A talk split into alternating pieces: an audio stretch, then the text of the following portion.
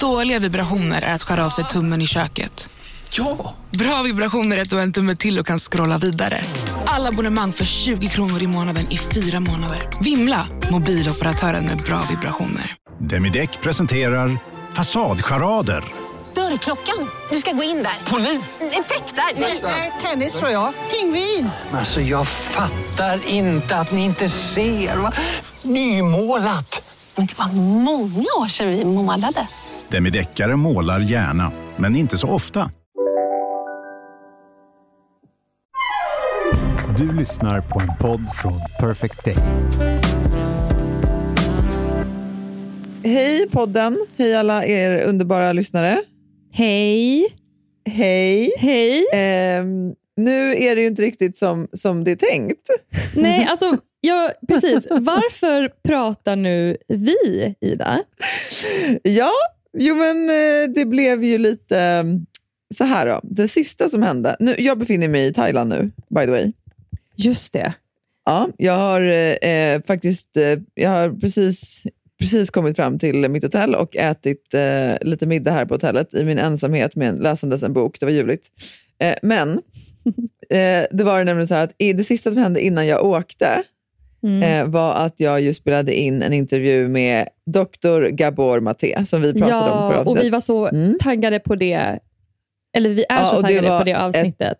fantastiskt samtal. Alltså det var så fint och Ah. han var så fin och sa så mycket kloka saker. Och, och, och Jag delade ju också det här på min story. Jag var så sjukt peppad Mm. på att så här, nu, nu ska ni få lyssna på det här.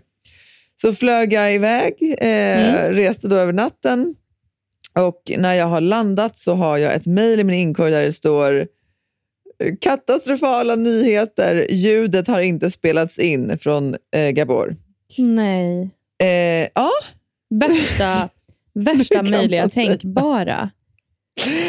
ja, men av alla Ångesten. samtal. Av alla samtal. Jag menar, det kunde ju varit ett med dig och mig. Ja, nej men Absolut, och det var väl inte bara det heller.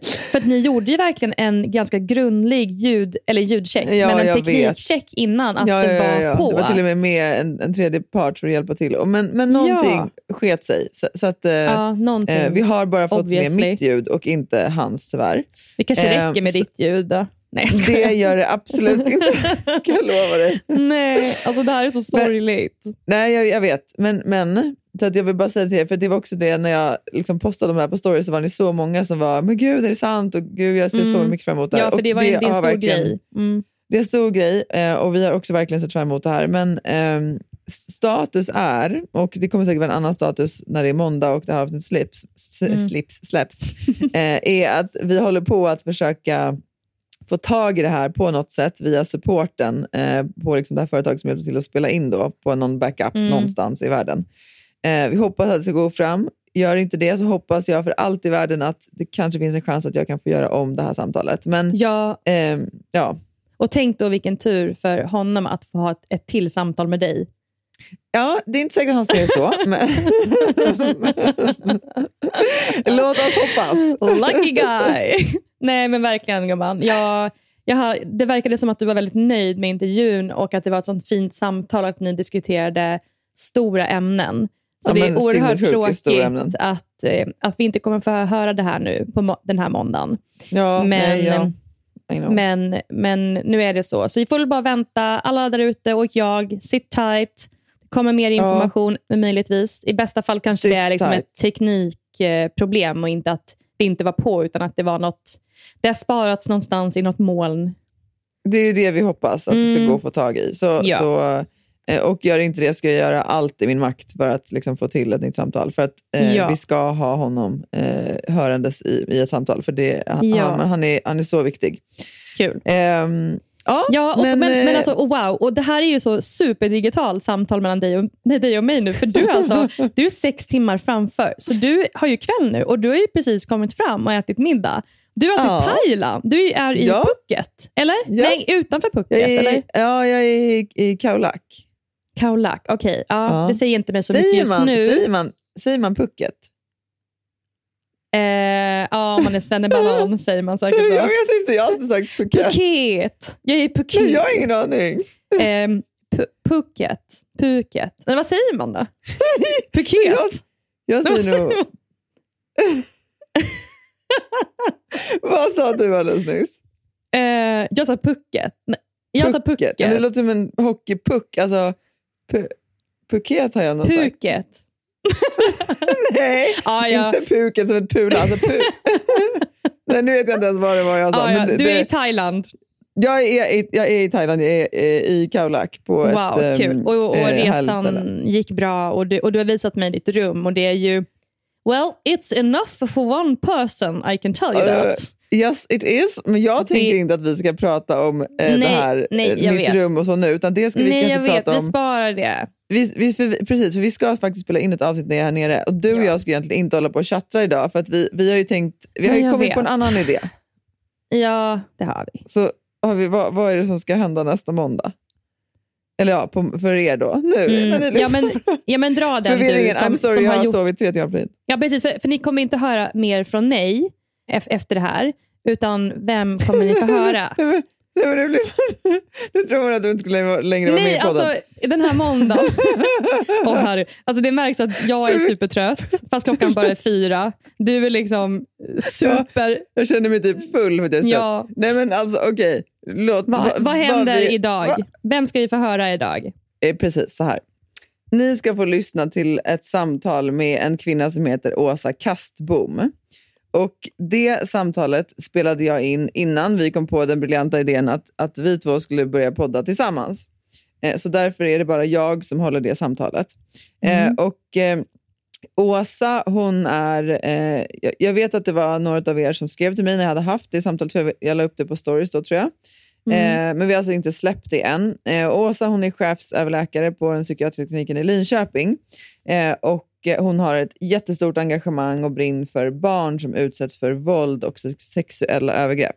Så det här är ett avsnitt som handlar om det. Hur man kan upptäcka det, eh, vad man kan göra för att liksom, eh, se de här barnen, hur man kan hjälpa eh, och så mycket värdefull eh, information. Saker som jag verkligen tog med mig också in i liksom, mitt föräldraskap, i hur jag ska Mm. prata om de här sakerna eh, och Mm. förhålla mig till de här frågorna. För att man känner ju oftast att man helst vill Ja. lägga locket på och låtsas Ja. som att det inte finns. Men det finns Yes. i stor det, utsträckning. det är ju inte så. Precis. Det är ju inte så. Nej, och det finns i stor utsträckning och desto större liksom skäl till att faktiskt ja, men, ta några minuter och lyssna på vad kan man eh, liksom, Mm. vad kan man själv vara medveten om? Hur kan man förhålla sig till Ja, frågorna? att, att, man kan, att man kommer på något sätt bli medveten om, om det, så att man kan ha de ögonen på saker och ting. För det kanske i slutändan Ja. kan hjälpa någon, och speciellt ett barn då.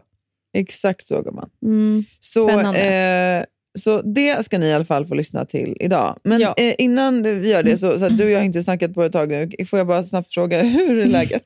Har det hänt något? Ja, men alltså jag, jag är lite dränerad. Alltså, du det, det? måste jag säga. Jaha. vi vaknade då en söndag, som det är. Eh, och eh, Man börjar göra gröt, man ska gå på toaletten. Jag upptäcker att vattnet tar slut i kranen. Åh, Det är, alltså, det är så 14 minus ute. Jag har varit Åh, det under natten. Och Nu ska jag försöka köra det här som en kort story. Vad vad Ja. var det du och Elin brukar säga? Long story så short. alltid, long story short. Ja, eller precis. Jag ska försöka long. göra en, en Elin nu då. Nej, men så att eh, eh, jag ringde Nacka Vatten och Avfall. De har ju fullt upp, så de kan liksom inte komma ut direkt. Men när de väl kommer så säger Ja. de, ah, men det är kanske att frys någonstans. Var sitter vattenpumpen? Eh, Ja. What? Vadå vattenpump? Alltså jag har ingen aning. Jag hittar, jag hittar vattenpumpen, den funkar. Ja. Jag hittar också till och med där Men är vattenmätaren du, är du, förlåt mig, bara, bara fråga här nu. Ja. Är du själv hemma då när allt det här händer? Eh, nej, men Robin har sovmorgon och jag har liksom morgonen. Så att jag började ju härja med det där halv åtta på morgonen. Okej, jag är så imponerad. Jag hade aldrig låtit hon, Lasse sova om det var Mm. Nej, en sån grej. Nej, men han, han, fick, han fick sova för att jag kände att jag måste ändå ringa massa samtal och sådär. Så kom de ut till slut då, och då eh, hittade jag också var, var vi har vattenmätaren och vart var vattnet kommer in från, Nack, från Nacka kom, kommunala vattnet. Och det har fryst för att eh, en, en elkabel som är en värmekabel som sitter runt e, eh, vatten, eh, vatten omgärdar vattenrören där och el, vattenmätaren har fryst på grund av ett elfel. Så att det är helt fryst. Eh, då, blir det så här, ja, då säger de bara, vi kan inte göra något mer, vi måste på nästa uppdrag för det är, vi har fullt upp att göra idag. Där står jag, har ingen aning vad jag ska göra, jag har inget vatten, ringer Men- en VVS-akut, lyckas få tag på VVS och en elakut, så de kommer ut och fixar elfelet så att den Ja. värmekabeln går igång. Så får man köra lite med hårfönen för att liksom stänga av det kommunala vattnet. Och Jag härjade där och så kom... eh, Hur som helst, vattnet kom tillbaka. Jag var jättenöjd. Ja, ja, Jag hade lärt mig, jag har lärt mig så mycket. Ja, ja, hur som alltså, helst. wow. ja, och sen, Independent woman. ja, och sen kände jag, men nu är allting fine. Jag drar och tränar. Robin hade varit iväg med barnen en stund, så han kom, in med bi- kom hem med bilen med barnen. Han tog ur barnen. Jag kastade mig in i bilen för jag ska hinna köra ett träningspass. Ett, ehm, jag bränner iväg till, till crossfiten där jag ska köra. Kör ett Ja. fantastiskt pass, lättar på trycket och allting. Det är fortfarande 14 minus. Lätta på trycket. Ja, men du vet, lättar på liksom, mammatrycket. Inte, Ja, ja, men du vet, det var ja, inte får- att du, gick och, du passade på att gå och skita för att det fanns Nej, vatten. Utan... ja, kanske jag gjorde också. Alltså, jag, jag kommer faktiskt inte ihåg, men, men nå- någonting gjorde jag ju. Mådde Ja. jättebra efteråt, liksom studsade ut till bilen, upptäcker då att eh, jag kan inte låsa upp bilen. Nähä? Och jag blir så här, okej, men varför kan jag inte låsa upp bilen? Jag, jag kan inte öppna. Och så, så kommer jag ju då på att jag har ju bara satt mig i bilen och kört iväg utan att ta bilnyckeln. Så jag har ingen bilnyckel, det är 14 grader minus ute och jag lyckas låsa upp Alltså. bilen via appen. Så jag kan sätta mig där inne och värma mig. Så jag kan sätta på värmen samtidigt som jag sitter i bilen. Men då måste jag också låsa bilen i appen. Och Sen så ringer jag ju då mina snälla grannar, Erik och Helena, eh, säger Ja. att de kan komma med nyckeln. Men så um, stänger jag av värmen en stund eh, och då så, eh, för jag vill liksom inte att det ska stå och spy ut dieselgaser. Och sen blir det kallt efter en stund och då försöker jag sätta på bilen. Och du vet, också så här, jag fryser lite lätt. Nej, Ja. men då har jag ju låst in mig själv. För då kan jag inte använda appen mer. För då har appen känt av att jag har missbrukat den på något vis. Så jag sitter där inlåst i kylan och väntar på Alltså, min granne. fan. Men han kommer i alla fall med bilnyckeln till slut, så jag, jag kommer ju hem. Och sen lite på to- toppen över det här så får vi veta att eh, våra barn förmodligen har löss. För att, eh, deras, för, att deras, för att grannarna som de alltid leker med, då Leia och Cleo, eh, har löss. fan älskling. Eh, och sen så i alla fall, vi Förlåt, lägger barnen. Jag orkar inte ens avlusa dem, helt ärligt. För att det var så slut. Jag bara la barnen. Och Sen ska jag gå och lägga mig själv och då vaknar Leon och kaskadspyr ner Nej. hela våran säng. Eh, så att det var lite, to sum it up, det var lite Alltså, jag hektiskt. över att jag sitter här i Thailand. Men, men vi har vatten ehm, och, och nu så, um, ja, allt är frid och fröjd nu. Har du, Så har det- du det luskammat och torkat eh, kräks då, i alla fall? Så det, det ja, liksom, ja, men allt, allt, ja. allt är fine nu. Så det är lugnt. Men det, Ja. var min, det var lite kort om min helg. Men nu ska vi inte Ja, prata men- mer om men, mig. Men, men härligt. ja, det var lite Du har, hektiskt. känt, du har känt att du lever i alla fall. Jag lever. Och vi har Ja, vatten. lever. Framför allt, vi vatten. har Exakt. vatten.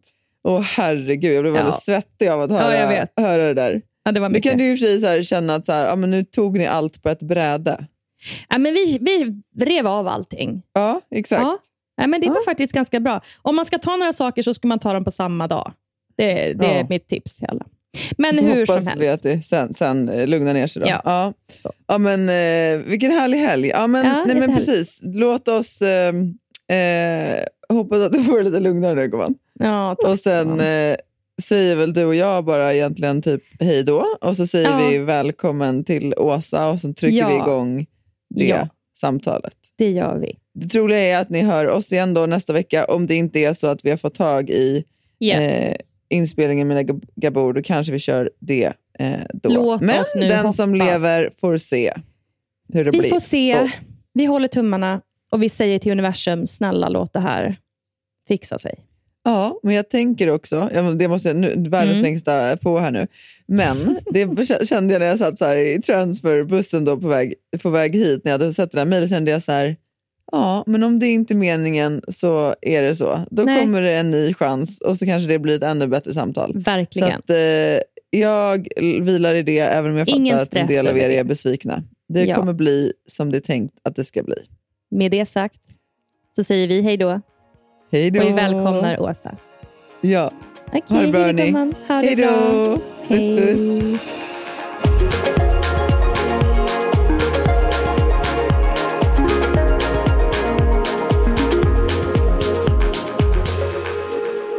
Hej. Alla underbara och välkomna tillbaka till en ny vecka av podden. Den här veckan så har vi besök av en chefsöverläkare som heter Åsa Kastbom. Och eh, Åsa hon är eh, överläkare på psykiatriska kliniken i Linköping, Region Östergötland. Och hon har också ett stort engagemang för barn som har utsatts för våld och sexuella övergrepp. Och För ett tag sedan så kontaktade Åsa mig på sociala medier och skrev Ida, vi måste prata om det här. När får jag komma till din podd? Eh, och eh, Jag sa eh, efter en tid, självklart, eh, ska du komma och, eh, och prata om, om det här, även om det känns eh, lite jobbigt. Jag tror att vi kommer hamna kring rätt jobbiga saker idag. Men, men det finns också, med det sagt, en väldigt stor poäng i att faktiskt prata om det. Eh, så jag vill säga varmt, varmt välkommen till dig, Åsa. Tack. Tack. Vad fint att ha dig här. Ja, det är stort att vara här. Känns det så? Jag tycker det känns Ja. stort att ha dig här. Ja, men det, och, och att få sitta i Elins fåtölj ja. känns stort. ja. Det gör det, för jag har lyssnat på alla era program faktiskt. Åh, Ehm, gud vad fint. Och det var nog därför jag kontaktade dig också. Ja. För, att, eh, för Det kändes som att jag kände er. Eh, och Sen så kändes det som att ni hade ett äkta samtal. Ja. Eh, och Det är verkligen någonting som jag brinner för, riktiga äkta samtal. Ja. Och det har, hade ni och du har det. Fortsatt Mm. med det. Så det är en ära att vara här. Vad fint att du känner så. Då hoppas jag att vi också såklart ska ha ett riktigt samtal Ja, idag. det tror jag. Ja, jag tror att vi kommer ha det. Men du Åsa, jag, eh, jag tänkte först, du kan väl bara berätta lite om, om, om dig och din bakgrund? Mm.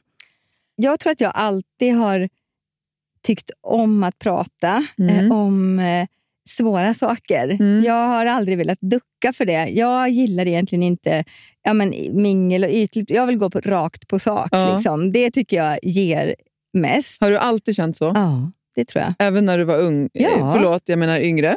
Ja, tack. Jo, jo, men det, det tror jag. Jag tycker om när man kommer nära. Ja. Eh, och Jag är inte rädd för svåra samtal. Jag minns när jag var, jag tror att jag var så här, 14 år när jag läste liksom så här böcker om döden och samtal om döden och vikten av Oj. att prata om döden. Och Ja. jag läste en författare som heter Elisabeth Kubler-Ross som Ja. jag tyckte var helt fantastisk. Liksom. Ja. Eh, jag tycker att det är jätteläskigt med döden och sorgligt. Men eh, jag vill att vi ska prata om det. Mm. För det är värre att inte prata om sånt som är läskigt och sorgligt.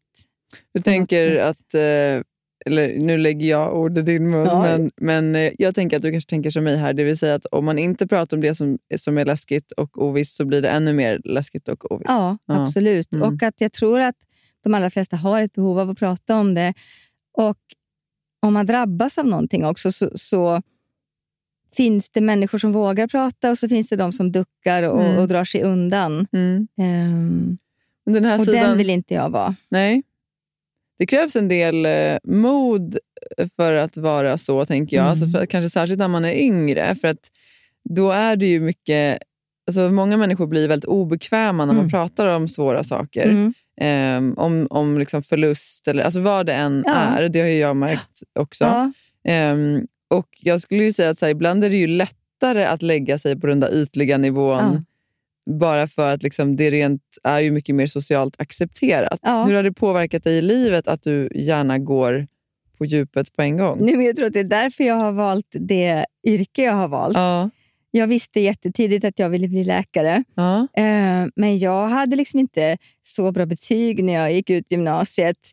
Så då drog jag iväg och tågluffa istället. Och och sen så sa mamma, jag tror man pappa sökte åt mig så jag hamnade, jag läste så ekonomi i Östersund för att jag ville åka skidor. Och så Åh. höll jag på sådär men sen så kände jag ju att det var ju läkare jag ville bli. ja. Så då gjorde jag högskoleprovet och så tog jag min den vägen. Wow, då sitter jag här med någon som är riktigt smart nu. Alltså, alltså, Nej. jo, högskoleprovet är ju så svårt. Nej, men man kan träna på det. ja, men det, där, nej, ja, fast det, det där imponerar på mig. Det är ändå Mm. kul. Jag som kom in, liksom, jag hade väldigt höga betyg, Ja. men jag har inte sett, sett mig egentligen som, ser inte mig själv som egentligen särskilt smart. Alltså, jag, är, jag är jag kan ta till mig mycket information. Mm. Men det där, det där imponerar på mig måste jag säga. Jo, men och jag tänkte, alltså, de allra smartaste människorna jag känner, de hade inte jättebra betyg. För de, de är så smarta så de köper inte det här eh, ja, men att knäcka skolkoden, eller vad man ska säga. För det, man kan ju vara lite fiffig och street smart Ja. eh, och läsa rätt saker och så, men de Mm. allra intelligentaste människorna jag känner, de hade inte jättebra betyg. Nu säger jag inte att jag är en av dem. Jag kämpade Jo, på. indirekt då. Ja, att nej, nej. Nej, jag, är verkligen, jag kämpade på och försökte på alla sätt knäcka den där skolkoden och, Ja. och få bra betyg. Men jag hade många andra järn i Nej, elden men det gjorde jag också på universitetet. Jag var ju verkligen ingen mönsterstudent. Alltså, jag gjorde ju allt annat. Jag var ju så ung när jag började plugga också, så det var ju liksom allt annat som drog Mm. förutom, förutom skolan. Men det har ju gått bra ändå. Ja, det gör ju Ja, det, det gör om, det man oftast, vill. om man men vill. man får ha lite pannben och Ja. bestämma sig. Och lite tålamod. Ja. Ja. När, min, när jag sa till min mamma och pappa att jag skulle inte läsa, eller jag skulle inte jobba med ekonomi, utan jag Ja. skulle läsa till läkare, då sa mamma så här, går det så går allt, sa hon. Åh, men det blev bara en sporre. ja, vilken tur att det blev så istället. Ja. Ja. Ja, men nej, så men då och- blev det läkarprogrammet Ja, till slut. det blev det. Mm. Eh, och där fick jag ju... Alltså för så att man har ju en... Nu höll jag på att säga jädra, men Mm. man har ju ett, ett väldigt eh, fin sits som läkare därför att man får ställa de här frågorna. Mm. Man kan skippa snicksnacket, man, kan, man får prata allvar. Mm. Och det ingår liksom i mötet att vi pratar allvarliga saker och Mm. jag får ställa frågor. Mm. Och Det gillar jag, och- men det gör det också enklare på det sättet. Mm. Och När jag gick termin 10 så hade vi barnmedicin, så jag var på barnkliniken i Linköping. Mm. Och Då träffade jag en läkare som heter Stefan Kroner som många var väldigt rädda för. Han var lite sträng. Mm. Men eh, jag gillar honom jättemycket. Och vi hade ett barn tillsammans, en patient som får illa, ett barn som var misshandlat. Mm. Och Då kände jag, här vill jag sätta ner foten. Mm. Det här är någonting som jag verkligen vill jobba med. De här barnen finns ju. Mm. Och de har så svag röst i samhället. Mm. Det är så många som inte vill se dem, eh, som tycker att det är jobbigt. Mm. Och vi missar många. Trots att vi, vi bör hitta dem, Mm. så missar vi dem. Ser du de barnen, kan du se dem innan de kommer till kliniken? Det, nej, man kan inte se utanpå Nej. ett barn. Man kan jag menar, så kan du, har du lärt dig att kunna se på ett barn som far illa? Jag kan se om ett barn inte mår bra, Mm. men sen är det så att barn som far illa eller barn som ja, utsätts för fysisk misshandel, sexuella övergrepp eller Mm. svår omsorgssvikt, det behöver inte synas utanpå Nej. alls, för att de kan också vara A-barn. De Mm. kan vara jätteduktiga, jättesociala, bra i skolan, sköta sig, för det är någonting man kan kontrollera. Om man inte kan kontrollera det som händer hemma, Mm. så kan man kontrollera sin träning, sina läxor, sin Mm. matte, skolan, kompisar, sitt utseende. Det kan man ha kontroll Mm. över. Mm. Och Då kan det vara nästan som en livboj. Just det. Så man får inte tro att barn som far illa bara har en massa symptom, ser liksom ledsna ut, Mm. för då misstar man sig. Mm. Utan, och Särskilt kanske när det handlar om sexuella övergrepp Mm. så kan man verkligen inte se det utanpå. Nej. Inte heller på skadorna, om, om man ska gå in på det, för det är inte så lätt att hitta dem heller om det finns skador.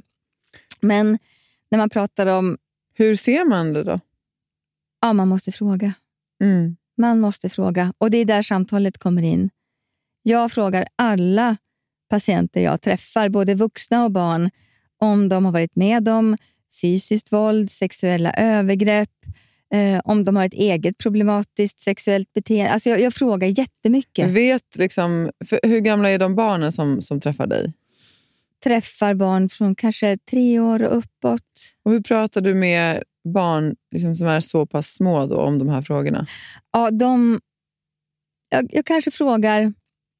För det första måste jag prata i en rum. Ja. För att ofta är ju förövaren någon som ja. är nära barnet, alltså någon som kanske till och med är med på besöket. Mm. Så jag lägger upp alla mina besök så att jag pratar både ihop med de som är med eh, och i en rum, även med små barn. Mm. Och Då kanske jag frågar ja, men hur firar ni nyår? Om det är nära nyår eller Mm. påsk eller en födelse då, så kanske jag frågar om det. Mm. Hur gör ni hemma? Hur firar ni det? Eller hur har ni fredagsmys? Mm.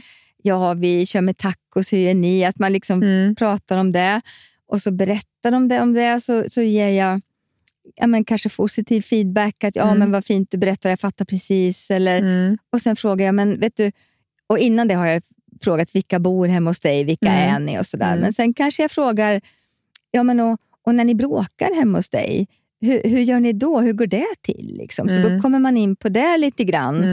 Mm. Men jag brukar också fråga, har du blivit slagen av något barn någon gång? Mm. För det har nästan alla. Mm. Fått en knuff eller Mm. någon har dragit i håret Mm. eller något syskon.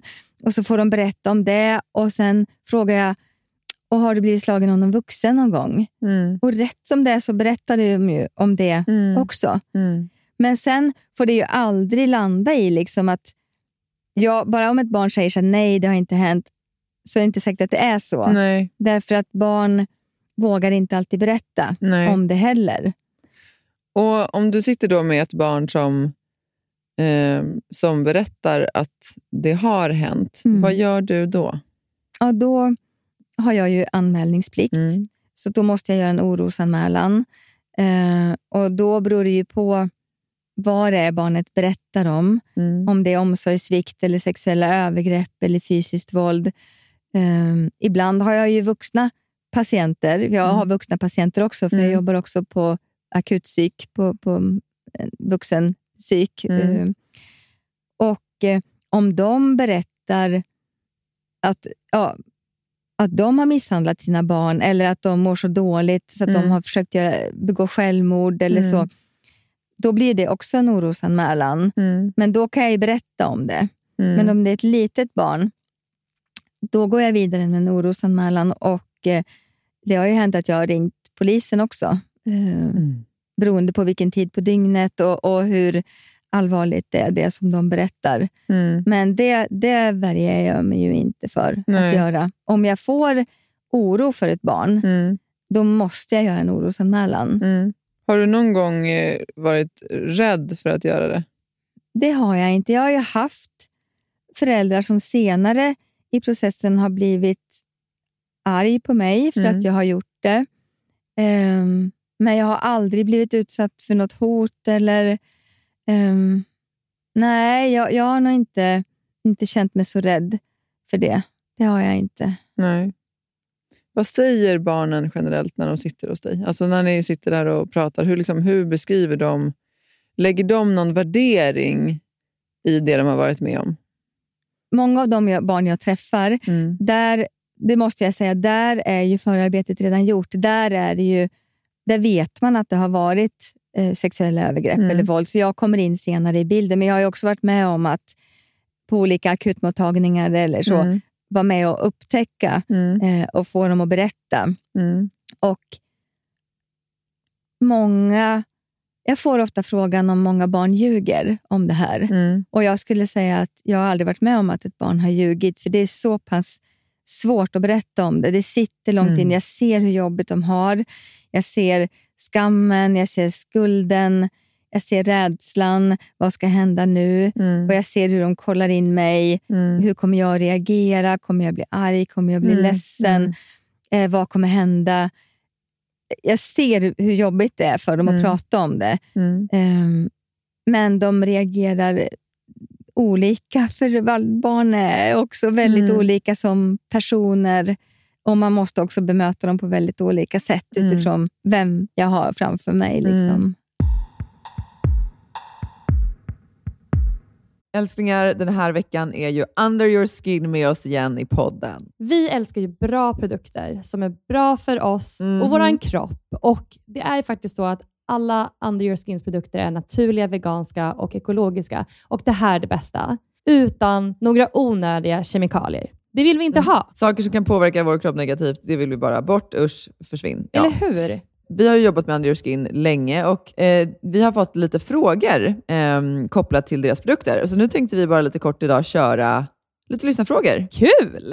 Eh, en fråga vi har fått är ju hur snabbt minskar håravfallet från och med att man börjar använda eh, ja, men hair growth kit? Ja, just det. Alltså, precis, för de har ju ett eget hair growth kit. Jag använder ju den och har ju använt den nu eh, ett bra tag. Och Jag var tvungen att faktiskt gå in och kolla på deras hemsida vad de skrev, för min upplevelse var ju att det, det minskade bara redan under första veckan. Det gick jättefort från att jag kunde känna skillnad när jag borstade håret på hur mycket hår som fastnade i borsten. Då har jag ju såklart också kikat då, och det är ju faktiskt det också som de själva rapporterar, att det ska gå så fort om det inte är så att man har någon särskild diagnos. Ja, såklart. Ja, men gud Ja, vad grymt. och, ja, men, så det är en sån här sak som att ja, men dels om man borstar då ser man ju hur mycket som kommer på borsten, men också alltså, man skulle till och med kunna typ, så här, väga håret bara för att se ja. skillnad. Jag märker jättestor skillnad. Okej, ska eh, vi vi har ta- någon till lyssnarfråga, ja, men, eller hur? Ja, men exakt. Eh, har du någon? Det här är en fråga som jag tycker är skitbra. Det är så här, kan man kombinera hair growth serum med detox shampoo och balsam? man kan såklart kombinera så som man önskar. Men om man vill ha bäst effekt eh, vad gäller liksom håravfallet eh, och hair growth, så ska man ju såklart använda hair growth-kittet hela vägen. All the way. Mm. Det är ju sammansatt för att få bäst effekt, om man säger så. Vi har en kod, kära ni. Lyssna nu, spetsa öronen. Eh, med koden SHOES20, eh, då får man alltså 20% eh, rabatt på andreaskin.se. Och det här erbjudandet gäller till och med 12 maj. Så in och fynda och se ert svall växa. Oj, oj, oj. Sommarsvallet. Ja, alltså, underbart. Ja, sommarsvallet. Tusen tack Under Your Skin.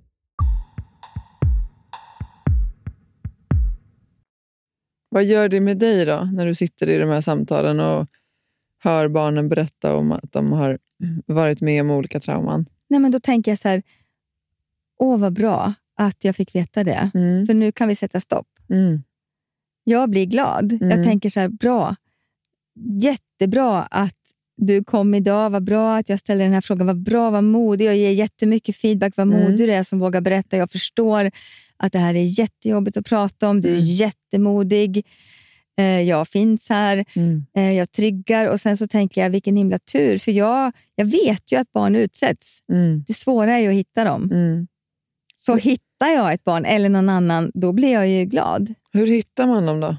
Genom att fråga. Mm. Att vi i vården hela tiden frågar. Vi vet att utsatta barn konsumerar, alltså söker mer vård än andra, men man söker ju inte för att man har blivit slagen eller utnyttjad. Mm. Men man söker vård för olika saker. Okej. Det har studier visat att barn, de barnen konsumerar mer vård. Så Mm. vi har ju värsta chansen. Så de har ju fler vårdkontakter Ja, då? gen- ofta, ja. Mm. generellt. Mm. Sen så kan det upptäckas i skolan Mm. att lärare och annan personal, förskolepersonal ser, blir oroliga och att de vågar fråga, vågar prata och att de gör orosanmälningar till SOS. För det där undrar jag, för Mm. det känns ju som en sån grej som man själv... Alltså det, för det, jag, jag vet inte om det är typiskt svenskt eller hur det ser ut i andra kulturer, men det finns ju någonting som känns väldigt liksom integritetskränkande i att Mm. gå in och liksom nosa eller trampa på någon annans familjedomän. ja. Liksom, hur kan man närma sig det här? Jag tänker så här, händer det saker där hemma, då ska vi dit och nosa. Jo, men jag håller med om det. Ja. Och det är därför så tänker jag så här, men hur kan man närma sig det här samtalet eller de här frågorna om man misstänker att någon kompis i liksom, kompisgänget i skolan eller att det finns någon i klassen. Hur närmar man sig det? Vad tycker du liksom är en bra väg att gå? För, för det, ibland känns det som att risken kan bli att det bara liksom slår, alltså det, det bara backfires. Ja, precis. Men jag brukar, det beror ju på vem man, vem man är som Mm. frågar vilken, om man är kompis eller om man är förälder eller Mm. granne eller om man är, gör det i sin profession så blir det helt olika ingångar. Mm. Men generellt när jag frågar så frågar jag väldigt ja, men, öppet, Mm. eh, förutsättningslöst och svarar personen nej, nej, det är inget sånt. Så säger jag så här, nej men vad bra, för du vet att det är så vanligt. Mm. Och Jag har ju träffat så många som har varit med om det här och jag vet ju hur tufft det kan vara och hur svårt det är. Så jag frågar alla, så jag försöker liksom generalisera för att Just det. personen inte ska känna sig utpekad. Mm. Eh, och så brukar jag säga att, för du vet, om jag till exempel pratar med ett barn så Mm. brukar jag säga att för det, det är svårt att prata om det, men om man berättar för någon så är det ofta för en kompis eller så. Så om du får höra någon någon gång som berättar om det här Mm. för dig, Mm. så måste ni berätta för någon vuxen som ni litar på. Mm. För det finns många vuxna som har lärt sig fel. Mm. De gör fel och de måste få veta att de gör fel. Mm. Och så brukar jag alltid säga, för det är aldrig barnets fel. Nej. Det är alltid den vuxnes fel. Mm. Och då, även om den här personen som sitter framför mig säger att det inte rör sig om det, att de inte är med om något sånt, men de de facto är med om Mm, sånt, så får mm. de ändå höra då att jag är inte ensam, Mm. det syns inte utanpå, eh, man ska prata med en vuxen och det Mm. är inte mitt fel. Mm. Så jag tänker att jag gör nytta oavsett. Mm. Sen har också eh, forskning visat att de barn som är med om sådana här saker, om de berättar för någon, så är det inte för en myndighetsperson, Nej. utan då är det för bästisen. Mm. Och så får bästisen lova att inte berätta för någon. till någon. Ja.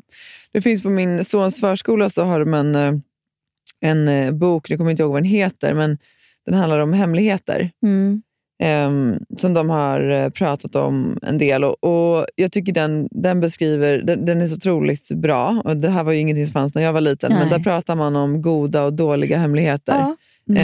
Ehm, och att just goda hemligheter kan vara sådana som ja, men att kompisen har berättat att den är kär i någon Mm. eller ehm, att vad den har gjort för present till mamma som fyller år. Och, så här. och de ska man hålla. Mm. Och så finns det onda hemligheter Ja. som är sådana när man har liksom gjort sig illa eller när någonting inte känns bra i Mm. magen. Eller, eh, och de måste man alltid berätta.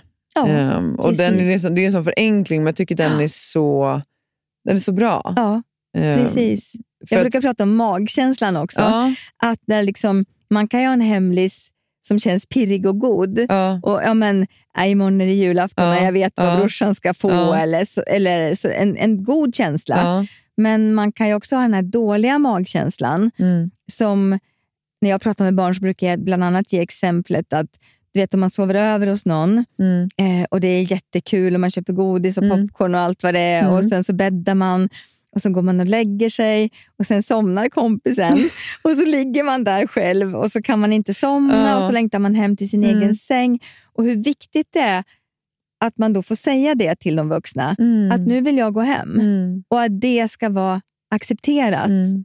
Och Det är lite samma sak när man Vilken får den där liknelse. dåliga känslan. Att man vågar säga det då och att de vuxna ska inte blamea och säga så, jo, jo, men sov nu. Nu skulle ni ju sova över här. Utan Mm. bara, ja, jag förstår. Okej, men då, då är det färdigt nu. Då får du gå hem och vara glad för det mysiga ni har haft. Och Det där tycker jag också kommer in med samtycke. Mm. Att, det pratar jag med många tonåringar om. att Man kan ju vilja pussas och kramas och, och man kan ju gå rätt långt. Men Mm. om man känner sen att nu vill partnern göra något som jag inte vill. Nu känns det inte bra i magen Mm, längre. mm. Nu vill jag inte, eller det här vill jag inte.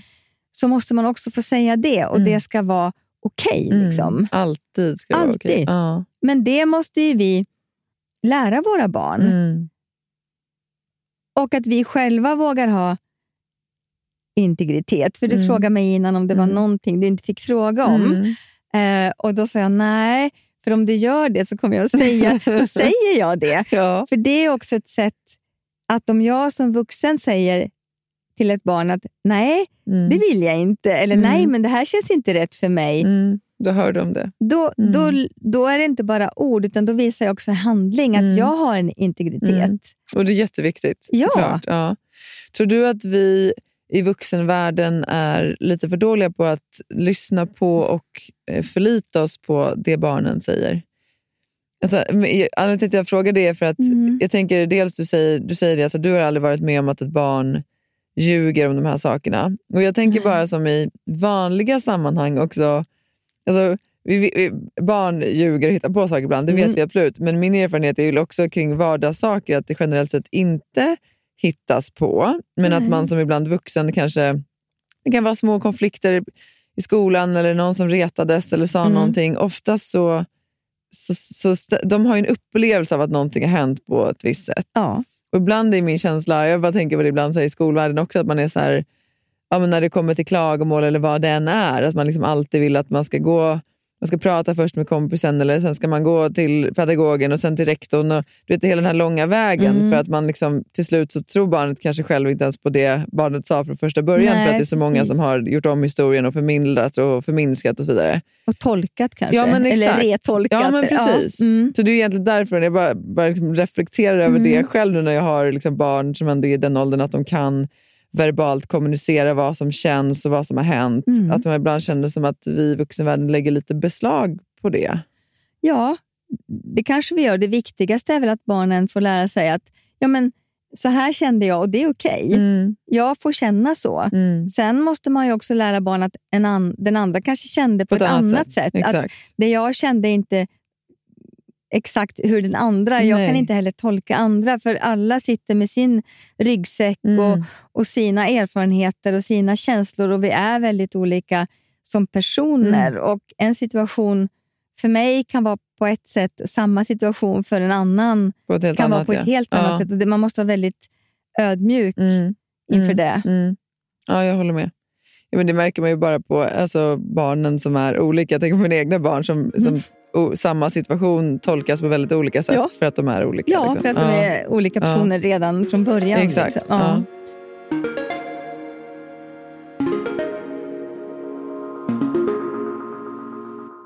Men jag tänker så här, jag skulle vilja gå tillbaka lite till liksom the basics här. För vad är, jag vet ju liksom den juridiska bedömningen, Mm. men jag tycker det vore liksom från, från ett kliniskt perspektiv, liksom, vad är, om vi tar då sexuellt våld, Mm. vad, vad är det för sexuellt våld som, som barn utsätts för som du möter? Ja, alltså tyvärr så tänker jag ibland att nu har jag hört och sett allt, Mm. men det bara fortsätter att komma nya sätt. Jag har valt att aktivt inte titta på barnpornografiskt material. Mm. Jag, jag jättestolt och glad för jag är en del i Interpols... Interpol, alltså polisnätverket Mm. Interpol har en grupp ehm, för specialister inom IT-relaterade brott mot Mm. barn. Eh, och Sexuella övergrepp är ofta IT-relaterade genom att de flesta förövare filmar eller fotar övergreppen Mm. för eget bruk eller för att dela med andra med samma intresse. Och I det här nätverket av framförallt, ja, det är nästan bara poliser och jag, så pratar vi mycket om det barnpornografiska materialet Mm. och vad poliserna, för poliserna måste ju titta på allt material. Mm. Eh, och Jag har aktivt valt att inte titta själv, men jag får ju mycket beskrivet för mig. Mm. Och Vi kan ju också se att det som delas, Mm. de trenderna i det materialet, är ju liksom de trenderna som, ja, som vi ser kliniskt också, vad barn utsätts för. Och det är ju... Ja, det är allt.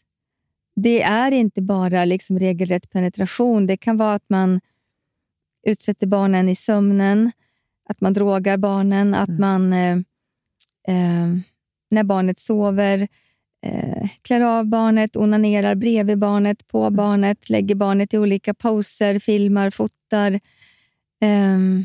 Fy fan. ja, att man utsätter för våld samtidigt som um, man förgriper sig på Mm. barnet. Det kan vara att man visar barnet porr. Det kan vara att man vill att barnet är med när man själv har sex. Eh, att man köper sex och har barnet med. Eh, ja, men alltså det, finns, det finns precis allting. Mm. Och Nu har jag hå- hållit på i så många år så jag tänker ibland att jag måste ändå ha hört och sett allt. Eller Mm. inte sett dem, men Mm. hört allting. Mm. Men det kommer liksom hela tiden nya sätt att förgripa sig på barn. Och att lura barn och att utnyttja barn. Sker det en ökning av den här typen av brott? Jag tror inte vi vet riktigt, därför att det- det, med dagens teknik och i och med att man delar så finns det ju andra sätt att hitta det. Mm. För man hittar ju många barn genom att man identifierar barnen i det här materialet. Mm. Det är ju barn som inte har berättat för någon. Mm. Utan poliser över hela världen som granskar här, de här liksom filmerna och bilderna har ju blivit så duktiga på att identifiera barnen och förövarna och platserna så att man räddar ju barn via att man identifierar dem på film. Men är det då barn som har liksom blivit kidnappade eller kan det vara barn Nej, det i en barn familj? hemma. hemma? ja. Ja. Som filmas och fotas och sen så delas det. Eller barn Där liksom på vårdnadshavare skol... lägger ja, ja, ofta är det ju någon nära barnet, men jag vet ett fall som man hade, inte i Sverige, i ett, ett annat land, där var det en, en busschaufför som eh, körde skolbuss och onanerade på muffinsar eller cupcakes och gav till barnen fan. och filmade. Alltså det, så att övergreppen blir liksom helt bizarra. Det finns liksom saker som man inte skulle kunna fantisera ihop eh, själv. Mm. Så jag, jag vet inte om det har ökat. För förr i tiden innan man delade det, filmade och delade, så måste det varit svårare att hitta Mm. barnen. Men det känns också som att det är, är så mycket mer lättillgängligt nu. Ja, det är det.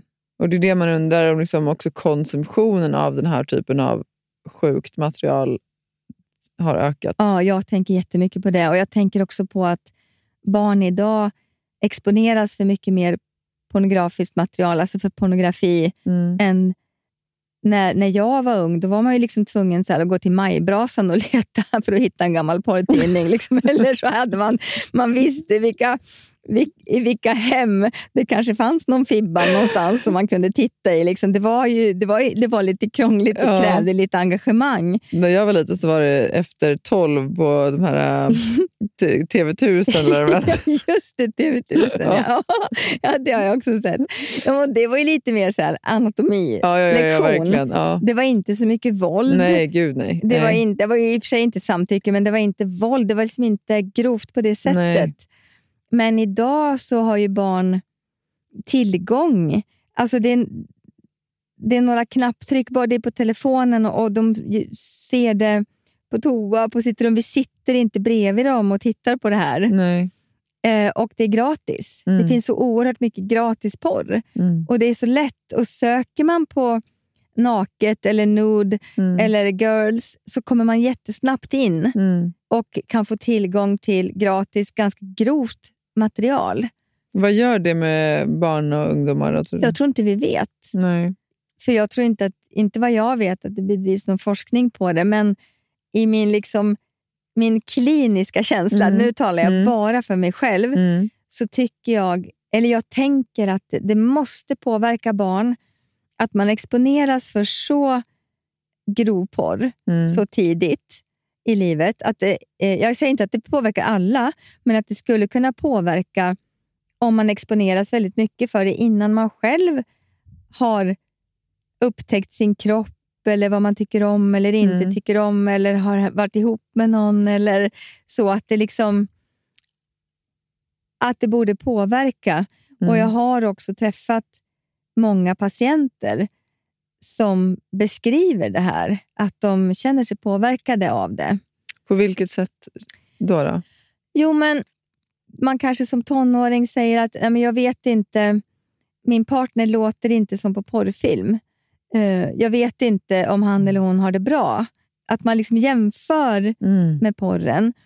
Och Jag har också träffat förövare som säger att Nej, men det är bra för barn idag är pre-groomade. Alltså de har, blivit, de har Fy. sett så mycket så att det är inte så svårt att förgripa sig. För de- fy. Ja, för de har sett mycket. Och om man tittar på viss porr så, så är det ju liksom en handling att läraren har sex med eleven eller tränaren med gymnasten eller med Mm. fotbollsspelaren. det är. Att det liksom är en handling som upprepar sig. Mm. Ehm, jag har också ungdomar som säger att Ja, men till exempel, jag har haft jättemånga patienter som säger så här, jo, men jag har det jättebra eh, med min partner, men eh, jag tycker det är svårt det här med strypsex. Hur länge ska man hålla för? Eh, och så frågar jag, men, men vill du ha strypsex? Så jag säger, jo, men det ingår. Det är så många som säger att det ingår. Mm. Men har du frågat din partner om hen vill ha det? Ja. Nej, nej, det har jag inte. Men det ingår. Men många beskriver också att de inte tycker om det. Men de tycker att det ingår. Och strypsex är ju Åh, ganska herregud, vanligt idag. sjukt. Ja, och jag får frågan, när blir det farligt? Alltså hur länge kan man hålla för innan det blir farligt? Alltså, och det, den frågan får jag mycket, mycket oftare nu. Nej, men då säger jag så här, ja då är jag så här, men vill du ha det? Mm. Är det någonting du tycker om? Och då är det ju många som säger så här, nej. Och de vet inte heller om partnern. Och då brukar de få i läxa att ja, men fråga partnern. Mm. Och om väldigt många kommer tillbaka sen och säger så här, nej men hen vill egentligen inte heller det. Mm. Så, så vi struntar i det. Mm. Men det finns inte jättemånga vuxna att bolla såna här frågor med. Nej. Utan de lämnas ganska ensamma med det. Och Jag brukar jämföra med när man tittar på läskiga filmer med barn Mm. hemma i Mm. soffan. Mm. Och det blir någon Ja, men antingen att det är någon, någon, ja, men det blir läskigt liksom, Mm. och barnen kanske håller för ögonen eller håller för öronen och man Mm. liksom guidar dem och säger så här, nej men du hästen dör inte på riktigt, det är Mm. bara film. Eller nej men blunda nu, jag säger till när du kan Ja. titta. Eller de sitter så här, åh. Och, man, och man försöker förklara att det är bara på film, det är bara Mm, skådespelare, mm, det är mm. inte äkta blod och så. Men när de tittar på pornografiskt material, Mm. då sitter ju inte vi bredvid och guidar. Nej. För det gör man för sig själv. Mm. Så, att Så- de får ju inte heller det här liksom kritiska tänkandet kring det. Nej. Men du säger det att det finns inte, det finns inte en, en vuxenvärld som är där för att bolla de här frågorna utan de exponeras för det här själva. Ja, det det finns säkert en och annan vuxen. Jo, men precis. Det, ja, det gör det Men, nog. Men, ja. men jag tycker inte att... Men hur skulle vi som kollektiv då behöva... För det känns ju som att vi ligger så många steg bakom barnen i det här. Ja, och i, tekniskt ligger vi ofta många steg bakom. Nej, men jag tycker att... Eh, jag hade en handledare en gång som sa till mig, Åsa du måste titta på porr. Mm. Du måste titta själv, för att vet, du måste veta vad du pratar om. Du måste veta hur det ser ut idag. Mm. Ehm, men, men det ska man inte göra om man inte vill. Men det viktigaste... Det är för- för att du säger det. det Tycker är väl in i det inte. bara. Ja. Men det är upp till var. Men det viktigaste är väl att man, att man finns där och vågar prata om det. Att man vågar prata om porr och att man vågar prata om kärlek, att man vågar prata om sex och att man inte på något sätt skammar barn eller lägger skuld för att de har tittat eller vill titta Mm. på porr. För barn är nyfikna, Mm. de ska vara nyfikna, men de behöver bolla det de ser. För Mm. att de kan hamna på sånt som ja, men både som är olagligt, Mm. eh, men som också gör dem rädda. Mm. Men då har de ingen att fråga. Nej. För många barn tror också att om jag berättar för mamma eller pappa att jag har tittat på det här, Mm. Då kommer de att ta mobilen, jag kommer få skäll, Mm. eller jag blir av med datorn, eller Mm. jag får eh, färre skär, mindre Mm. skärmtid Mm. eller så.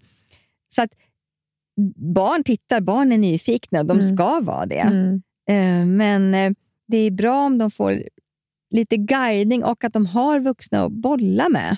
Hur gamla kan eller ska barnen vara då för att man ska våga ta första samtalen om porr eller sex? Och, ja, vi börjar där. Så Ja. fråga. ja. Nej, men jag, tycker, jag tycker man kan börja prata redan när de, alltså om man tänker sex och kärlek och kroppen. Mm. Så jag menar anatomin, för jag tycker det är så viktigt att man kan sin anatomi. Mm. Att man liksom känner sig trygg med sin kropp, vet vad delarna heter, Mm. vet vad delarna heter på det andra könet. Mm. Alltså att man, Mm. där tycker jag att man kan börja jättetidigt Mm. och då kan man också lära dem integritet. Mm. Om man till exempel små barn är man ju ofta med när de duschar och tvättar Mm. sig. Och Då kan man säga att ja, men du får, kan själv tvätta snoppen Mm. eh, och, och där är pungen och där inne är testiklarna. Mm. Men det är din snopp. Det kan både kittla och vara obehagligt om man får vatten där. Mm. Så att tvätta själv. Mm. Eh, och Då lär man dem att det är din snopp. Mm. Eh, du tvättar själv. Det kan både kittla, det kan vara obehagligt. Du Mm. styr själv. Och så kan man prata om delarna, förhud, ollon. Mm. Och Då får man in det liksom, Mm. naturligt. Mm. Då blir det inte den här dagen när man ska prata om blommor och bin. Liksom, utan man väver in det. Och att man pratar om integritet och att man inte liksom tvingar barn att sitta i knä om de inte vill eller ge Nej. nu mormor en puss eller kram eller kom får jag en puss. Mm. Utan att de får styra lite själva. Den där tycker jag är så viktig, för det där Ja. var... Jag, jag blir glad av att höra det. Jag kände att så här, vi är på rätt spår, Emma, i alla fall. För vi, alltså, jag har alltid gått omkring väldigt mycket naken. Alltså, Ja. det så här, det är Mm. bara varit, jag vet inte om det kommer från att jag är gammal simmare, men jag har alltid Ja. varit väldigt så här, jag är, ja, Ja. det är mycket Nej, naken. sån är du. Ja. Sån är jag, Ja. exakt. Ehm, och Det har ju också gjort att så här, vi eh, är... Liksom, barnen går också omkring nakna, det är liksom inget Mm. konstigt. Men då har vi blivit för oss ganska naturligt att vi också har pratat om det. För Jag märker att de, de är ju liksom intresserade tidigt av att, så här, vad är det där och du ser Mm. Annorlunda ut. Och så. Och jag, utan att jag egentligen har liksom vetat hur man ska förhålla sig till det har jag bara tänkt att så här, men vi måste bara prata om det som att det är någonting vanligt, för Ja. det är det ju. Det är bara en Ja. del av livet. Eller Ja. till exempel om jag har mens, så är både, båda mina barn är så här, de har ju superkoll på vad liksom, de olika mensskydden gör och när man behöver vilket och vill gärna hjälpa till. Och så här. Men Det tänker jag bara så här, det är inget konstigt, det är inget skambelagt. Nej, På samma sätt som att kroppen inte ska vara det Nej men heller. precis. Och för dig är det rätt. För mig är det rätt, Ja. för det känns naturligt. Jag säger inte att det är rätt för alla, men det, det jag har tänkt är att, så här, att den dagen då vi ska prata om sex eller vad det nu är så kommer det inte kännas så konstlat Nej. för vi har redan det samtalet. Alltså, det är liksom inte så... Det, Man det har inte gjort det till en stor grej Nej, den här precis. dagen när vi ska prata om kroppen Nej. och sex och Nej. kondom och allting ska Nej, ske på ett exakt. samtal. Ja. Utan det liksom är invävt i Ja. livet och det är ingen big deal. Utan man kan prata om mens och sen prata om nu, köttbullar. Alltså Ja, att, exakt. Ja, Ja. att det är ingen stor grej utan Nej. det är en del av det. Ja. Sen träffar jag ju vuxna som inte vågar eller kan eller vill visa sig nakna. Mm, Eh, och då är det också okej. Mm. absolut. Men då brukar jag säga, åk till simhallen. Låt barnen se vanliga kroppar, nakna Mm. kroppar, så att de inte bara får se liksom, erotiserade eller Mm, pornografiska mm. bilder, för de är nyfikna. Mm. Så det är jättebra att ha kanske ja, men fotoböcker, anatomiböcker, Mm. åka till simhallen så att man väver in det. Om man inte vill själv så Mm. kan man ge dem det på annat sätt. Mm. Men att Det man väver in bra. det i Ja. sitt föräldraskap och att man visar att man är en vuxen som vågar prata om det Mm. här.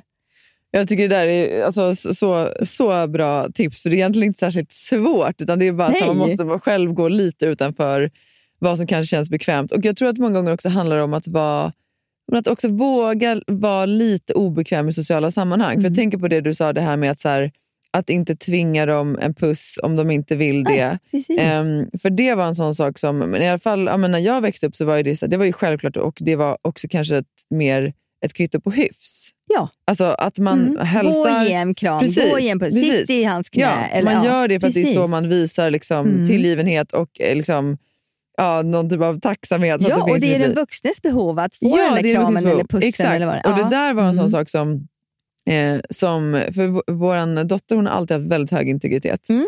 Ehm, och eh, I början när hon var liten då tror jag att jag var mycket mer så här, "Ja, men det är klart jag ska ge en puss. Och- För att jag märkte också att de vuxna i omgivningen blev lite stötta om Ja, de inte fick det. precis. Och Då blev det som vet. att så här, ja, men gör det nu. Mm. Och sen när jag du vet, så fick det där, ja, men i takt med att hon liksom kunde börja prata, och kände jag så här, nej, det känns bara inte rätt. Alltså, Nej. hon vill ju uppenbarligen inte Nej. krama, oavsett hur nära personen är. Nej, Nästa dag precis. vill hon det, idag Mm. vill hon inte det. Alltså, ehm, tills, att vi då, tills att jag då bara har liksom sagt till henne att så här, du behöver inte om du inte vill. Nej. Utan nu ställer jag frågan, så här, vill du ge en kram innan vi ska gå? Mm. Och ibland säger hon ja och Ja. ibland säger hon nej. Och Mm. då är det inte mer med det. Nej, exakt. Men det har ju snarare varit en grej som jag har behövt jobba med, för hon gör ju inget fel. Utan det har Mm. Varit jag som tycker det är då jobbigt att vuxenvärlden rynkar på Ja. näsan eller tänker så, ah, varför vill hon inte det? Mm. Och så där.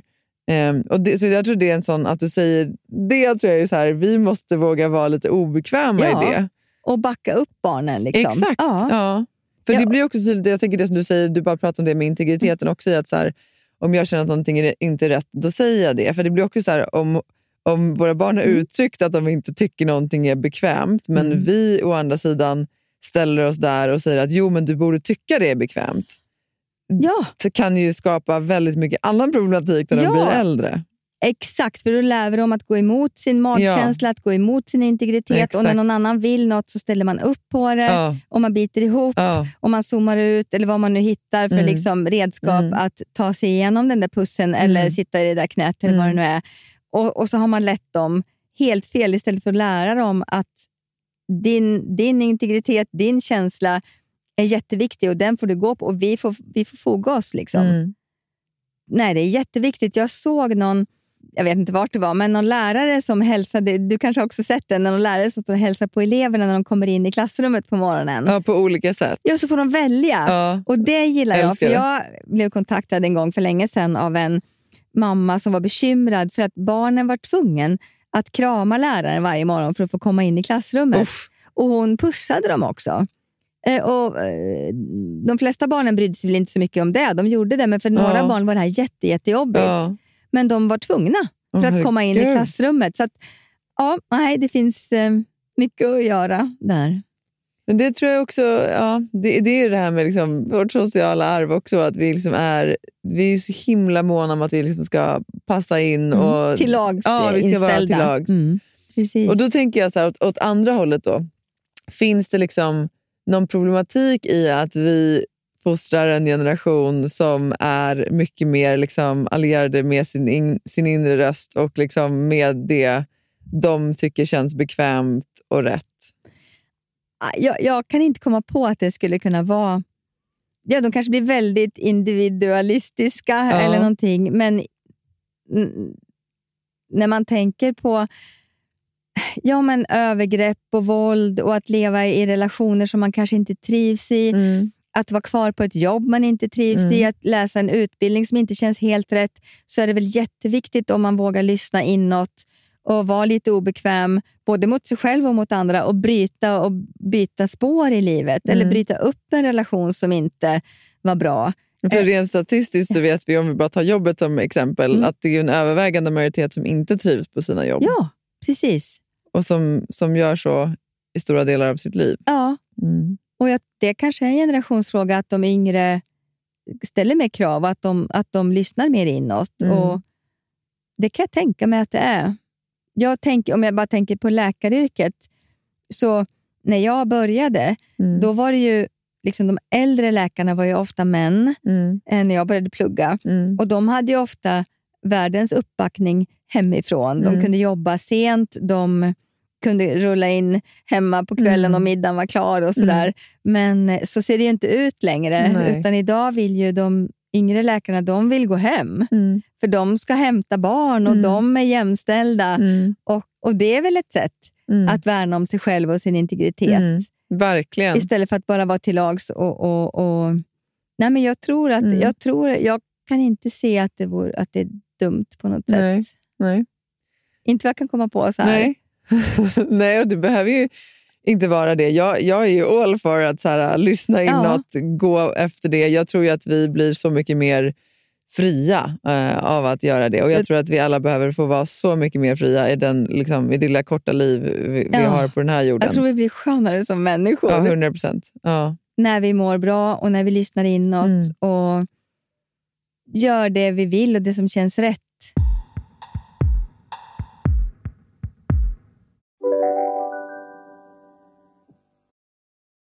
Välkommen till Telenor röstbrevlåda. Hej min fina fina mamma. Kan inte du snälla swisha mig för fika? Älskar dig, puss puss. För att repetera detta. Hej min fina fina mamma. Spara samtalet när du förlorat den som ringde på telenor.se calls. Välkommen till Unionen. Jo, jag undrar hur många semesterdagar jag har som projektanställd och vad gör jag om jag inte får något semestertillägg? Påverkar det inkomstförsäkringen? För jag har blivit varslad, till skillnad från min kollega som ofta kör teknik på möten och dessutom har högre lön trots samma tjänst. Vad gör jag nu? Okej, vi tar det från början. Jobbigt på jobbet. Som medlem i Unionen kan du alltid prata med våra rådgivare. Känner du igen en riktigt smart deal när du hör den? Träolja från 90 kronor burken. Byggmax. Var smart. Handla billigt.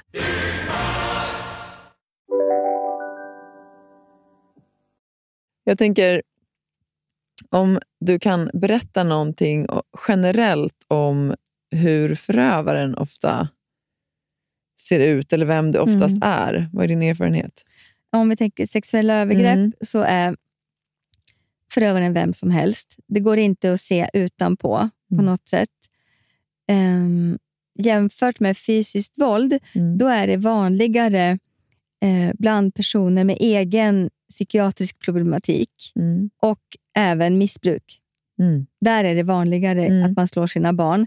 Men att det är mer att det liksom kokar över. Alltså det bara, Ja, man har, egen, ja, inte man har kan jättemycket egen problematik Ja. som kanske också gör att man har vanföreställningar Mm. eller att man i, inte har den här, liksom, att man har en kontrollförlust helt Mm, just enkelt. Eh, Eller, eller att man är påverkad av droger, vilket gör att man... Mm. Ja. Men när det handlar om sexuella övergrepp så sker det ju precis överallt. Mm. Och oftast är ju offret någon i förövarens närhet. Mm. Någon som barnet litar på och någon som barnet också tycker om. Mm. Och någon som har tillgång till barn. Mm. det finns ju både de som förgriper sig på liksom sina egna barn eller barn i, liksom i familjen, släkten. Sen finns det de som i liksom litteraturen kallas för professionella förövare, Mm. som kanske mer jobbar med barn i sin profession eller på sin fritid, som förgriper sig på väldigt många barn under en livstid. Ja, men som till exempel busschauffören Mm, som mm, mm. eh, kör skolbarn Mm. eller en tränare Mm. eller en ledare. Eller så. Alltså, man Mm. har många tillgång till många, många barn.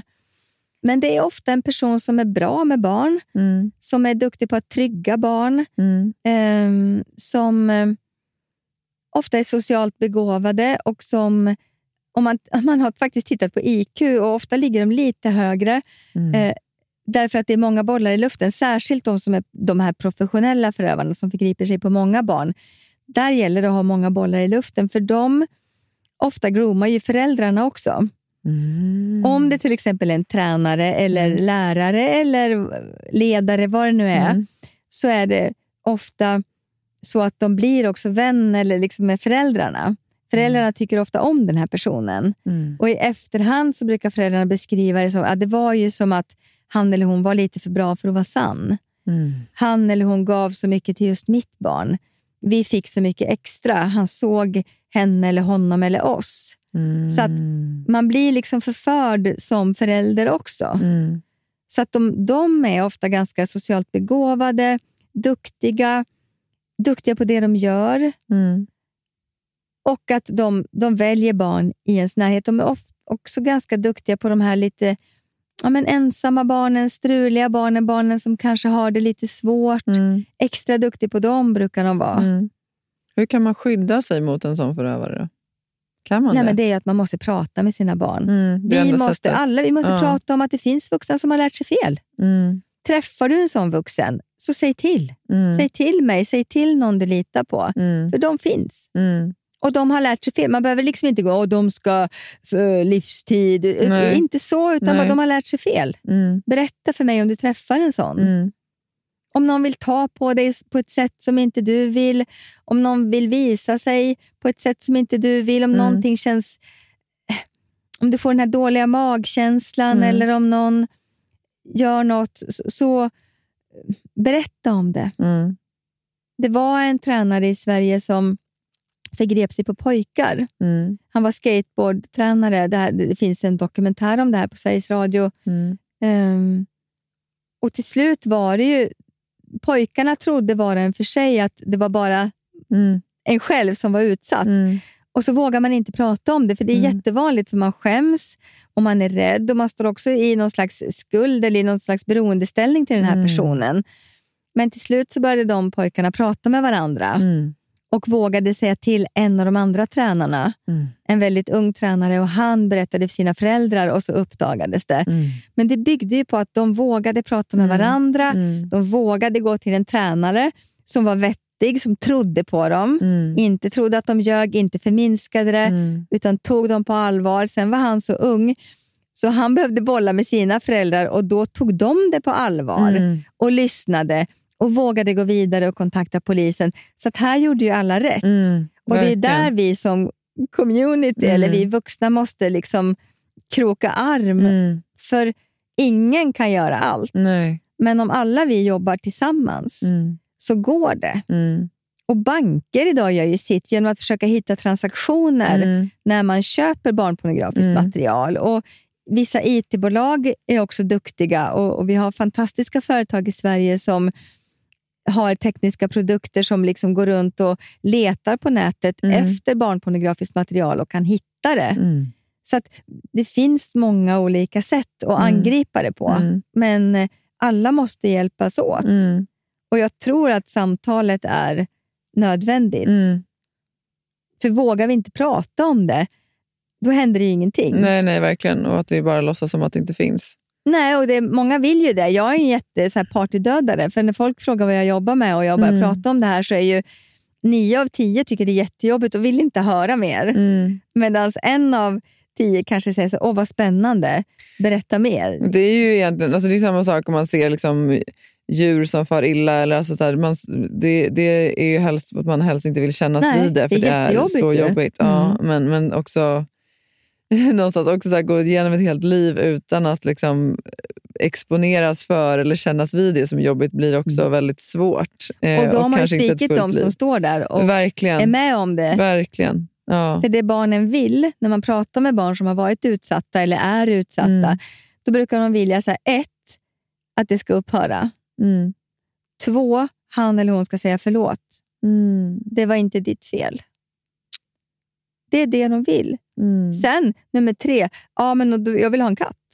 Eller, Mm. alltså sen, De Ja. pratar inte om fängelse, Nej. de pratar inte om straff, de pratar inte om skadestånd, utan det är liksom ett, förlåt. det ska sluta, två, förlåt. Så att de blir av med lite skuld. Ja. Vad händer med barnen som är med om det här? Jätteolika, för barn är så olika. De, de har så olika förutsättningar. Ja. En del klarar sig jättebra i livet. Mm. Andra får olika symptom, mår dåligt. Men sen beror det ju jättemycket på hur, hur vi fångar upp dem Mm. och hur ser livet ut efteråt. Mm.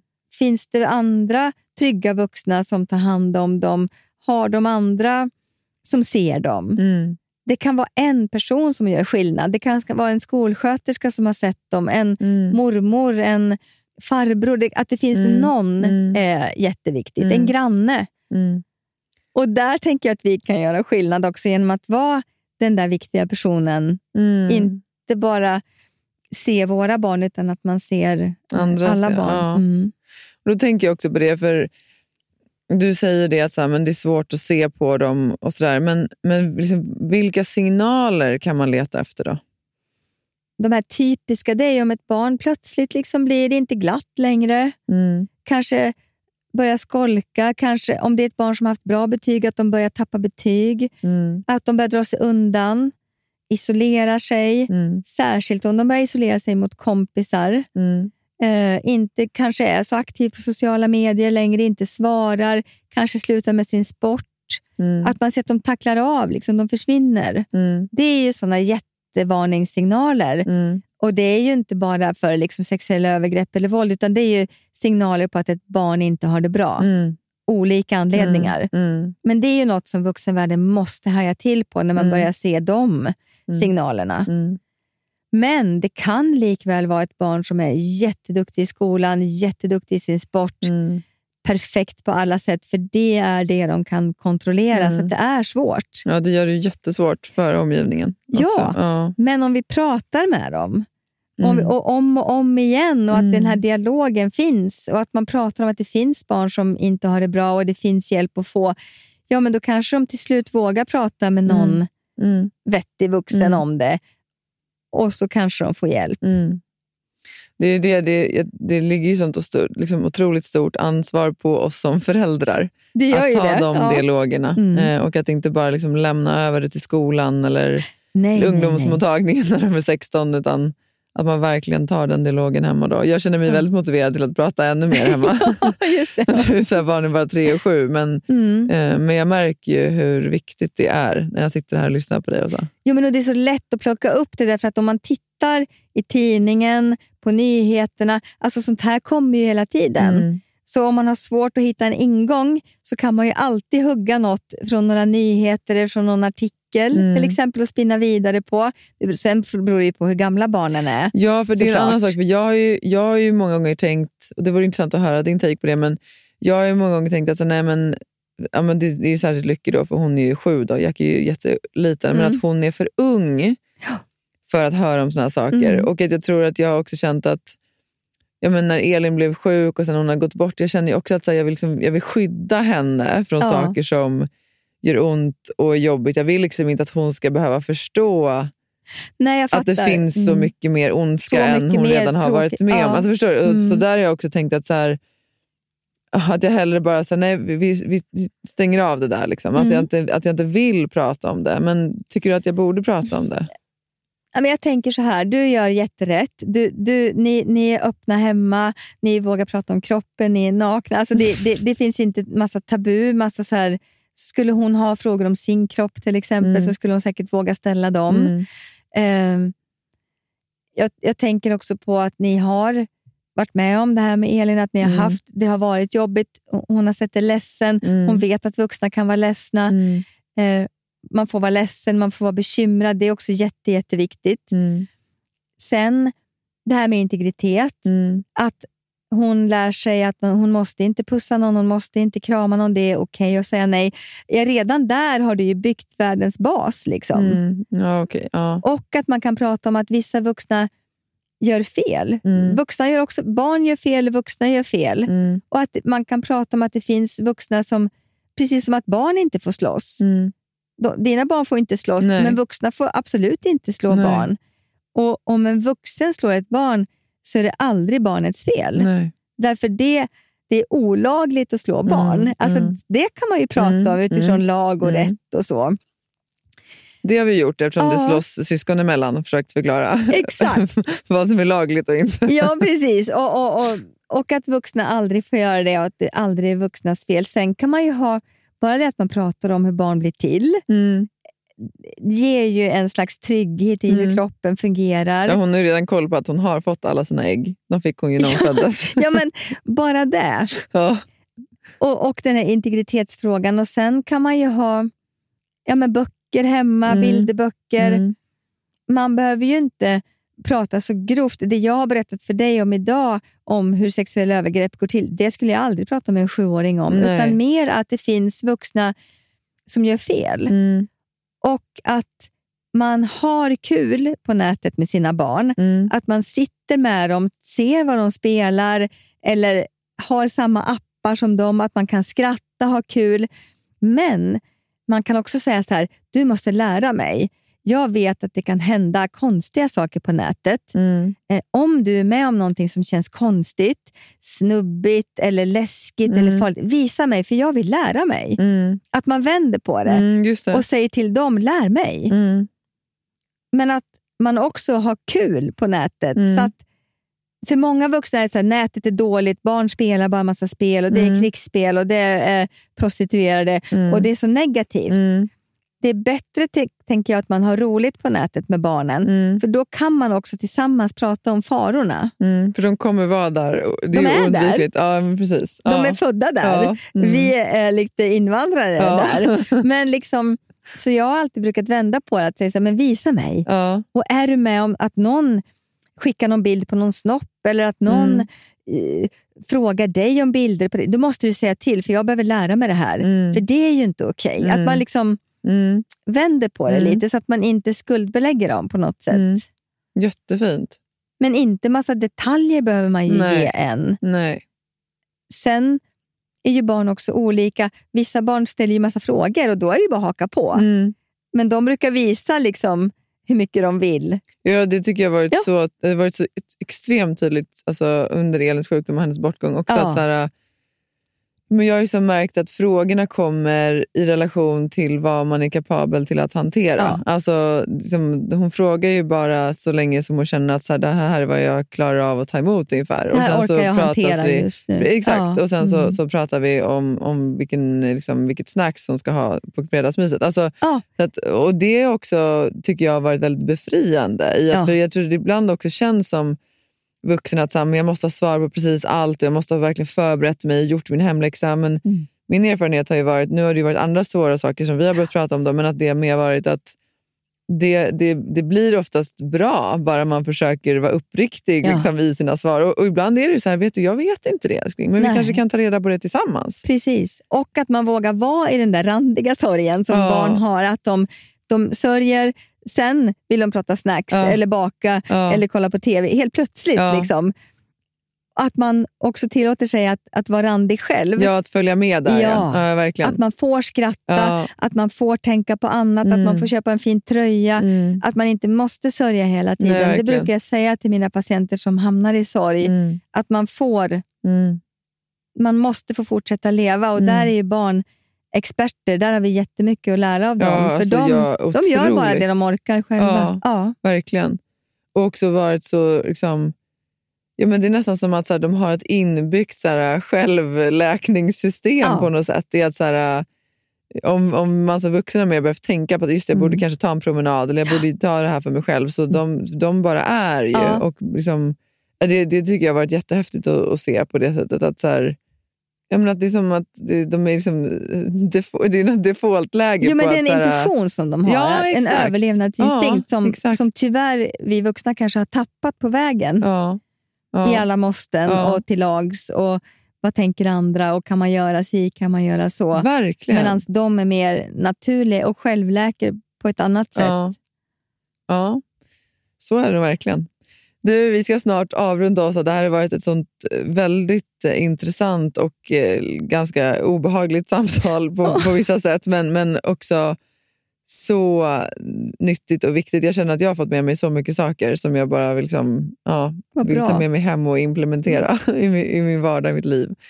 Ehm, men jag tänker en, en sak som jag har liksom suttit här och funderat på Mm. den tiden du har pratat. och det är ju, eh, För det första så slår det mig att du känns som en sån otroligt ljus människa. Alltså det känns som att du har liksom väldigt mycket ljus runt omkring dig. Och, Åh, och det du gör, eh, trots att du jobbar med så otroligt svåra saker, så känns det som att du, som din inställning till det är så fin och så ljus på något sätt.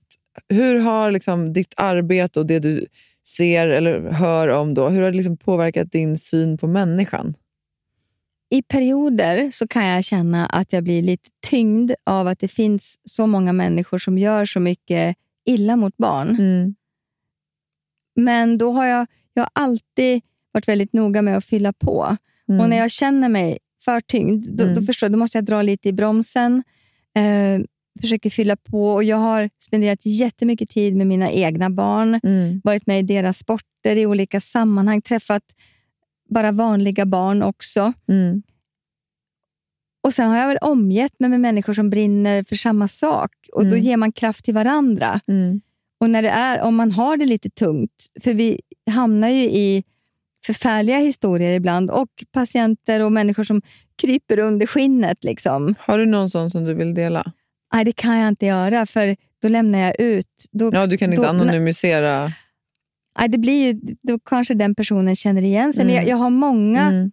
jag har många som jag bär. Mm. Jag vet det finns någon sån här pinklåt som om någon Elastic Heart och jag brukar tänka på att hjärtat är väldigt elastiskt. Ja. Att liksom, det, det bor många där inne. Mm. Ehm, Vad fint. Ja, men jag har två som jag vet att jag får prata om. Några som jag hjälpte till att gömma under en period. Oj. Som har det jättebra nu. De finns där. Ehm, men det var tungt en period. Men, men när jag känner att jag kan göra skillnad, Mm. då blir, går jag ändå på plus. Mm. Det, jag kan ändå känna att det spelar roll att de träffade mig. Mm. Eller att jag hittade det här barnet. För Mm. jag vet ju att de här barnen finns. Mm. Och de här vuxna också för den delen. Mm. Och kan jag hitta dem och få hjälpa dem att få stopp på det, Mm. då var allt värt det. Och då går jag plus. Mm. Det jag hade svårt för när jag, i början när jag jobbade på barnkliniken, det var ju det var barn med cancer som dog. Mm. Det blev jag inte av med. Nej. Det gick jättebra när jag var på jobbet, men när jag gick och la mig på kvällen så kom de i, mitt, i, min, Mm. i mina tankar Mm. och i mitt hjärta. Och det var för tungt. Mm. Jag hade så svårt. Så att efter det, så för mig är det så här, om de bara lever, Mm. då kan jag ju, då finns det ju mer att göra. Om Mm. de bara lever, Mm. så går det Mm. att ändra på livet för dem Mm. framåt. Och det ger mig jättemycket kraft. Mm. Så jag, jag tror att det är det. Jag går ändå plus, liksom, men jag, man får fylla på på Mm. olika sätt. Fjällen, simma, vara ute i naturen, Mm. vara med barnen. Ha såna här samtal som idag, så man Mm. känner liksom att det är samtal som ger något. Mm. Då fyller jag på. Mm. Ja, jag, du har gett mig så otroligt mycket i alla fall den här stunden. Åsa. Jag känner mig väldigt eh, tacksam för att du till en början skrev till mig eh, och till att du tog dig tid att faktiskt komma hit. Åh, tack. Eh, alltså otroligt vad du gör och vad du spelar roll. Och Jag tycker det är så fint att du säger det, att har jag, det har fått spela roll att de har mött mig. Eh, och, och Det spelar ju roll för, liksom, för så många att du också sitter här och berättar eh, om det. det. du är med Ja. om och, och, och eh, vad du ser. Eh, så tack snälla för det. Och tack för att jag fick komma och sitta i Elins stol. Ja, och det var så Mm. fint att ha det här i Ja, Elins stol. tack. Och hörni, alla ni som har lyssnat, tusen tack för den här veckan och vi ses igen nästa vecka. Hej då!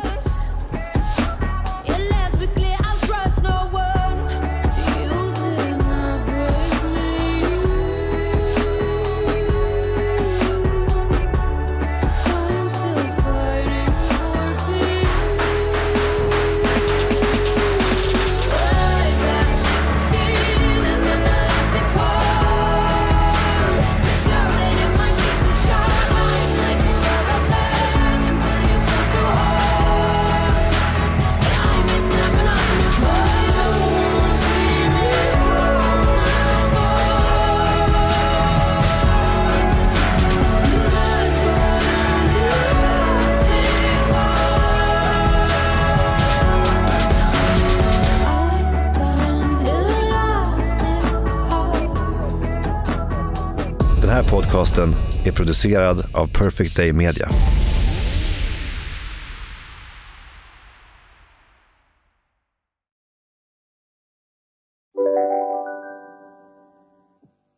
En nyhet. Nu kan du teckna livförsäkring hos Trygg-Hansa. Den ger dina nära ersättning som kan användas på det sätt som hjälper bäst. En försäkring för dig och till de som älskar dig. Läs mer och teckna på trygghansa.se. Trygg Hansa. Trygghet för livet. Kolla menyn. Vadå? Kan det stämma? 12 köttbullar med mos för 32 spänn. Otroligt! Då får det bli efterrätt också. Lätt! Onsdagar är happy days på IKEA.